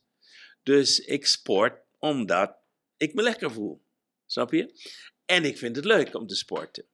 Ik heb soms dagen dat ik niet sport, maar over het algemeen sport ik elke dag. Ik begin elke ochtend met minstens, laat ik 200 kniebuigingen, squats. En dat doe ik terwijl ik aan het scheren ben. En doe ik dat? Nou, heb ik dat al gedaan. En dan doe ik wat stretchen en dan doe ik wat andere dingen. Dus ik ben wel van de sport. Maar ik ben verslaafd aan de sport. Dat is één ding. Je kan met veel minder sport. Ik kan mensen leren hoe ze in vier minuten, en dat is het allerbelangrijkste, een heart rate variability kunnen veranderen. Heart rate variability is, wat heel veel mensen dus niet weten, is dus de variaties van je hartslag. Dus als je hartslag 60 keer per minuut is, zou je logisch denken, verwachten dat elke seconde het slaat. Maar het varieert. Ene keer 1 seconde, 0,8 seconden, 1,2 hoe meer variaties, hoe langer je leeft. En high intensity uh, interval training heeft een grotere impact op je HRV, je heart rate variability, dan bijvoorbeeld aerobic training. Dus als je, kunt, als je zou kiezen tussen half uurtje hardlopen of 10 sprints van 100 meter, is 10 sprints van 100 meter beter. Voor je heart rate variability. Nou, dus elke vorm van belichaamsweer is goed. Maar ik zoek altijd naar effectiviteit. Want uh, een van de enige dingen die we niet meer van kunnen maken is tijd. Dus hoe besteed je tijd? Mijn tijd, ja, ik denk voor iedereen, maar ik ben heel bewust van mijn tijd. Dus ik sport niet uren, ik sport misschien 20 minuten en dan ben ik in een top shape. Ik kan, ik kan met elke jong persoon meedoen. Als ze met mij mee kunnen doen, ik haal ze allemaal onderuit binnen no time. Dus dat is niet het probleem. Dus dan zie je dat dat ook niet gebonden is aan leeftijd. Het heeft gemaakt hoe je lichaam dus traint. Nou, dan hebben we de telefoon. We moeten weten over de telefoon. Het heeft een elektromagnetische straling. Het, het zendt uit uh, dingen. Dus als jij heel veel gebruik maakt van Bluetooth, al dat soort dingen, dat heeft allemaal effect. Nu, afhankelijk van hoeveel buffer je hebt. Kijk, als je al op het randje loopt, en bijvoorbeeld, je bent ook nog hypersensitief, je slaapt niet voldoende, weet je, je hebt te veel stress, dan hebben die dingen een grotere impact op jou. Dus het is niet zwart-wit. Dus alles afhankelijk van het systeem. Dus hoe sterker het systeem, hoe meer impact. Dus als ik moe ben, om wat voor reden dan ook, dan voel ik het veel. Als ik dan, ik doe bijna nooit die oortjes in, alleen als ik korte filmpjes opneem, dan voel ik dat veel sneller. Maar als ik fit ben, voel ik het niet. Dus mijn buffer is groter. Dus je moet zorgen dat je een goede buffer hebt. Dat is nummer één. Als je hypersensitief bent, is sporten nog een keer belangrijk, omdat je goed geaard moet zijn. Ik ben van nature hypersensitief. En hoe meer je leven het ligt, hoe hypersensitiever je wordt. Dus je moet leren hoe blijf ik geaard. En dan leer je ook hoe je die elektromagnetische stress door je heen kan laten gaan. En op het moment je dat dus kan, hebben veel dingen veel minder effect op jou. Als je nu kijkt naar de elektrische auto's, dat zijn kooien van Faraday waar je stapt. En er zijn heel veel mensen die daar last van hebben. En er zijn methodieken weer, en die komen zowel uit de technologie als uit de, zeg maar de natuur, om dat te kunnen ombuigen. bijvoorbeeld in een elektrische auto, als je gewoon wat zakjes van zeezout doet, heeft het veel minder effect. Dat is heel simpel. Je kan ook zoeken naar bepaalde edelstenen, of niet edelstenen, bepaalde gemstones, ik weet niet hoe je dat vertaalt, half edelstenen in Nederlands, die die frequenties kunnen opheffen. En dat kun je bijvoorbeeld een bandje van laten maken en dat kun je allemaal testen. En dan zijn er, we hebben bijvoorbeeld de shankietsteen en, en andere zwarte stenen, obsidian, uh, kool, noem maar op. Die hebben een super uh, absorberend effect op elektromagnetisch stress. Dus als je onder je bed Shanghit, dat komt uit Rusland, dus volgens mij van een meteoriet, is een niet-aardse carbonconfiguratie in atoomstructuur. En dat absorbeert elektromagnetische stress. Uh, als je het ook bijvoorbeeld in een kan doet met water, dan balanceert het ook het water, waardoor water vitaler wordt. Nou, dus dan leg je je bed. Dus hebben ook tegenwoordig dingen die je kunt plakken op je telefoon. Er zijn ook andere elektronische dingen, noem maar op. Dus we kunnen heel veel van die stress kunnen gewoon opheffen. Maar het belangrijkste wat mensen moeten weten, is de belangrijkste plek is waar je slaapt. Dat je ervoor zorgt dat je slaapt in een omgeving dat vrij is van elektromagnetische stress, omdat je dan meer open bent. Je lichaam gaat van sympathisch over naar parasympathisch. En in parasympathisch waar je geneest en restaureert. En sympathisch ben je naar buiten gericht, meer adrenaline. In het Chinese uh, geneeskunde noemen we dat yang en yin. In yin genees je, in yang ben je bezig. Dus je moet ervoor zorgen dat waar je slaapt volledig um, safe is. Dat is nummer één. En ook ervoor zorgen dat je uh, juist, hoe noemen we dat, zodat het donker is en dat soort dingen. Je slaap is belangrijk. Nu kom op een ander stuk is de duur van je slaap. Hoe lang heb je nodig? En, en dan heb je allerlei onzin die men verkondigt. Je moet 7 tot 8 uur slapen. Maar dat is gewoon niet waar. Het gaat niet om het aantal uren, het gaat om de kwaliteit van de slaap. Hoeveel tijd breng je door in de diepe slaapfase en in de remfase? Ik slaap gemiddeld rond de 5 uur. Toen ik jonger was, was het 3,5, 4 uur. Maar dat, ik werk niet met een wekker. Ik vertel aan mijn lichaam, als je klaar bent uh, met alles, ik zet een intentie voor ik ga slapen. Ik, ik praat met mijn lichaam. Ik zeg, ik ga nu slapen. Wat ga je doen vannacht? Je gaat ontgiften, je gaat verjongen, je gaat revitaliseren. Als je klaar bent, maak je me wakker. Nou, soms word ik om drie uur s'nachts wakker. En dan zijn mijn ogen helemaal wijd open. En zeg, oh, het is drie uur, maar ik heb geen slaap meer. Dan zegt mijn lichaam, je hebt genoeg geslapen. Dus en je kan het leren. Ik zeg nooit tegen mensen van je moet vier uur slapen. Als je minder wil slapen, en de reden dat ik minder wil slapen is omdat ik heel veel doe. Als je dus uitrekent, als je één uur minder slaapt, is het 365 uur dat je meer hebt. Twee uur minder slapen is 730 uur. Dus ik heb een extra twee maanden per jaar om te produceren. Als mensen vragen, hoe komt dat je 88 boeken hebt geschreven? Hoe komt je zoveel dingen produceert? Ik slaap minder dan jij. Nummer twee, ik heb een super team die ideeën kan geven en die kunnen het vertalen voor mij. Dus slapen is dus heel belangrijk dat je gaat, als je minder wilt slapen, moet je de kwaliteit van je slaap verbeteren. Dat doe je door je lichaam te trainen om de intentie te geven in je lichaam wat nodig is. Dus laat ik een voorbeeld geven. Je bent een feestje gegaan het is één uur s'nachts geworden. Je bent gewend om uh, zeven uur te slapen, dan voel je je lekker. Maar de volgende dag moet je voor wat reden ook om zes uur op. Dus je hebt maar vijf uur.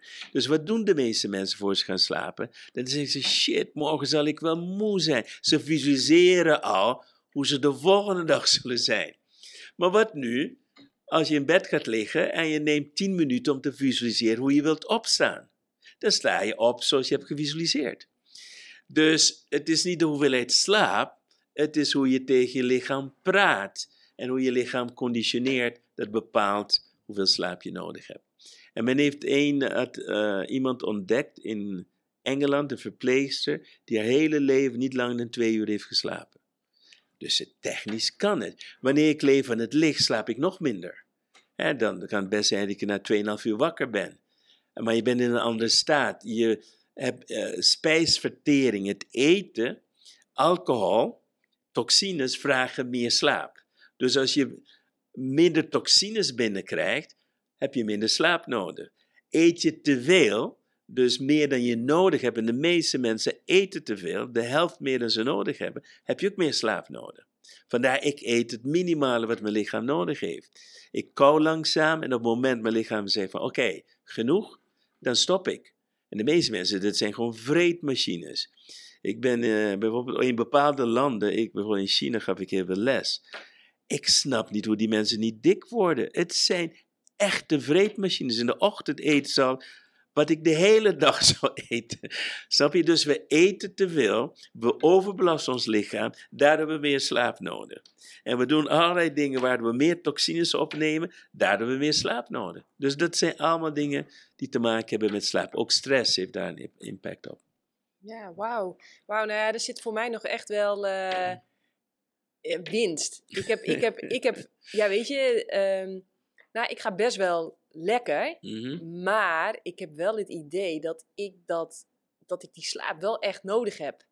En uh, ja, dat, dat, ja, mijn moeder zegt dat het als kind al zo was. Mhm. Dat ik als baby al direct uh, hele nachten doorsliep. Een slaapbaby. Ja, ik was een slaapbaby. heel, ja, heel handig. Mhm. Gewoon dik en dik en, uh, en veel slapen. Dus uh, ja, dat, dat zie ik nog wel eens, want ik zit er ook wel eens over te fantaseren. Hè? Want Braham Menor bijvoorbeeld en mm. Ganga, die mm. leven ook van, mm. van, van licht. En dan vertellen ze over hoe weinig ze slapen. Nou, dan denk ik, oh, halleluja. Oh, dat zou toch wat zijn. Hoeveel boeken zou ik dan al niet geschreven ja, ja, precies. hebben? Nou, maar het is ook zo dat uh, je hebt een gedeelte, is gewoonte. dus het is gewoon gewoonte. Um, stel dat je negen uur denkt nodig te hebben. Kijk, uh, ik heb een programma gecreëerd, dat heet Omega uh, Healing. En Omega Healing, in Omega Healing leren we hoe te praten tegen ons lichaam. Ik ga ooit een boek over schrijven. Praat je jezelf gezond? Maar het is het reconditioneren van je lichaam. Het is niet het forceren van je lichaam. Dus sommigen zeggen, ja, uh, ik heb eens iemand gelezen, ja, als je acht uur slaapt, ga naar 7,5 uur met de wekker, dan naar 7 uur. Nou, dat is niet de beste manier. De beste manier is om tegen je lichaam te zeggen: Ik wil dat je nu dieper gaat slapen. Ik wil dat je effectiever gaat slapen. Ik wil dat je met minder slaap hetzelfde hoeveelheid kwaliteit eruit haalt. Dus je mag het lichaam niet forceren, maar je kan het lichaam wel trainen. En dan zul je merken: hé, hey, ik word eerder wakker. Maar het gaat erom dat je fris en vitaal wakker wordt. Dat is het allerbelangrijkste. ja, dat gebeurt wel altijd. Mm uh, dat gebeurt wel altijd. Alleen ja, ik heb dus wel het idee dat ik daarvoor vroeg in mijn mandje moet. Maar dat, dat is dus een overtuiging. 100%. Ja, en die overtuiging die mag ik gaan herprogrammeren en het lichaam andere instructies geven. Precies. Dus dan is het toch weer de kwaliteit van je communicatie eigenlijk die de kwaliteit van je leven bepaalt. Ja, ook dingen zoals iemand zegt, ik ben een ochtendmens, een avondmens. Allemaal onzin. Ja. Ik kan allemaal. Ochtend, avond, de middag, dag. Je energie, die kun je managen. Ja. Maar als je zegt, ik ben een ochtendmens en in de avond moet je bij me aankomen, dat is een overtuiging die je gaat bewijzen dat waar is. Ja. Dus jouw waarheid is niets anders dan jij gaat bewijzen, dit is waar. Dus als je een keer tekort slaapt, ga je slecht voelen. Zie je wel, het is waar. Dus je moet je waarheid veranderen en dan ga je naar je waarheid leven. Zo simpel is het. Ja, zo simpel is het. Dus dank je wel sowieso daarvoor. hey, ik wil heel graag afsluiten met iets wat ik ergens van jou heb gehoord, maar ik mm. was met iets anders ook bezig. En toen dacht ik, heb ik het nou goed gehoord? Maar ja, hè, je weet hoe dat gaat. maar ik heb jou, ben jij afgestudeerd op een een of ander homeopathisch middel, wat eigenlijk vrij moeiteloos je spieren kan laten groeien? Um, Nou, ik, ik heb het, het is, het is, het is wandelgang informatie. Maar je snapt wel, hè, ik ben een sporter. Mijn oortjes gingen wel spitsen. Ik dacht, hoor ik het nou goed? Dus, maar misschien heb ik het helemaal verkeerd gehoord. Dus ik ben Ja. heel nieuwsgierig. Is in, eh, vaak in dat soort dingen is een eh, grond van waarheid. Ik ben daar niet op afgestudeerd, dus ik ben afgestudeerd eigenlijk op placebo-effect. Dat was mijn afstudeerthesis. Dus eh was voordat ik zelfs over de holistische geneeskunde, zeg maar, alles wist wat ik nu weet, was ik al geïnteresseerd in de mind van de mens. Dat was stap 1. Nou, wat gebeurde op een gegeven moment? ehm, ik wilde chirurg worden. Maar door een auto-ongeluk waarbij ik twee ehm halswervels eh, brak en ik in feite paraplegisch werd en opgenomen werd in de intensive care en wie een wonder daar weer uitgekomen ben. Het enige nadeel was dat ik niet meer, mijn handen die trilden. Dus ik had eh, het overleefd, eh, eh, zonder kleerscheur, mijn handen bleven trillen. Ik kon geen chirurg meer worden, ben huisarts geworden en ik had een eh, fysioloog, een fysiotherapeut. En die was me aan het behandelen zonder enige vorm van succes, op Aruba. En die raadde me aan om naar acupuncturist te gaan. En zodoende ben ik in de acupunctuur terechtgekomen, want ik geloofde er niet in, maar het werkte bij mij. Toen ging ik een studie doen. Er was in Nederland één opleiding, dat was in eh, Nijmegen voor artsen. Ze namen alleen maar tien artsen per jaar aan. Dat was, eh, werd geleid toen door Charles Hamburger. En hij was arts en hij leidde artsen op in de acupunctuur. En daarna zat hij eh, Arie Vrijland en die was homeopaat en we hadden nog iemand anders die ons opleidde in de voeding. En daar heb ik homeopathie geleerd. Nou, ik geloofde in de homeopathie, maar er waren zoveel eh, dingen die gingen over homeopathie, was niet te bewijzen, noem maar op, en allemaal onzin. En toen eh, begon ik homeopathische middelen zelf te ontwikkelen.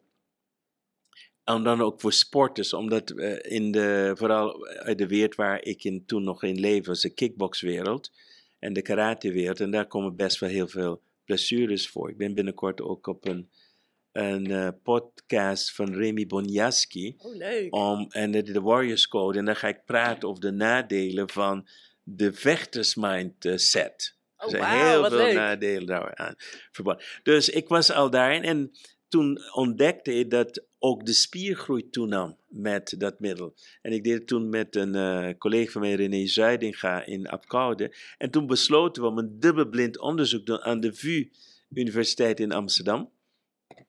En daar hebben we met een dubbelblind onderzoek feilloos aangetoond dat de homeopathie werkt. Het was een hele simpele opstelling. Dus mensen moesten, eh, wat was het, twaalf weken lang bepaalde oefeningen doen met eh, dumbbells en, en dat soort dingen.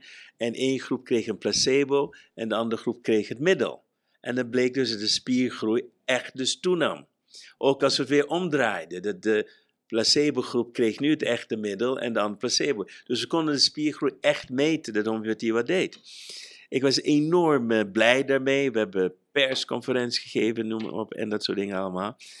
En er gebeurden twee dingen daarna. We kregen het niet gepubliceerd in geen enkele medisch tijdschrift.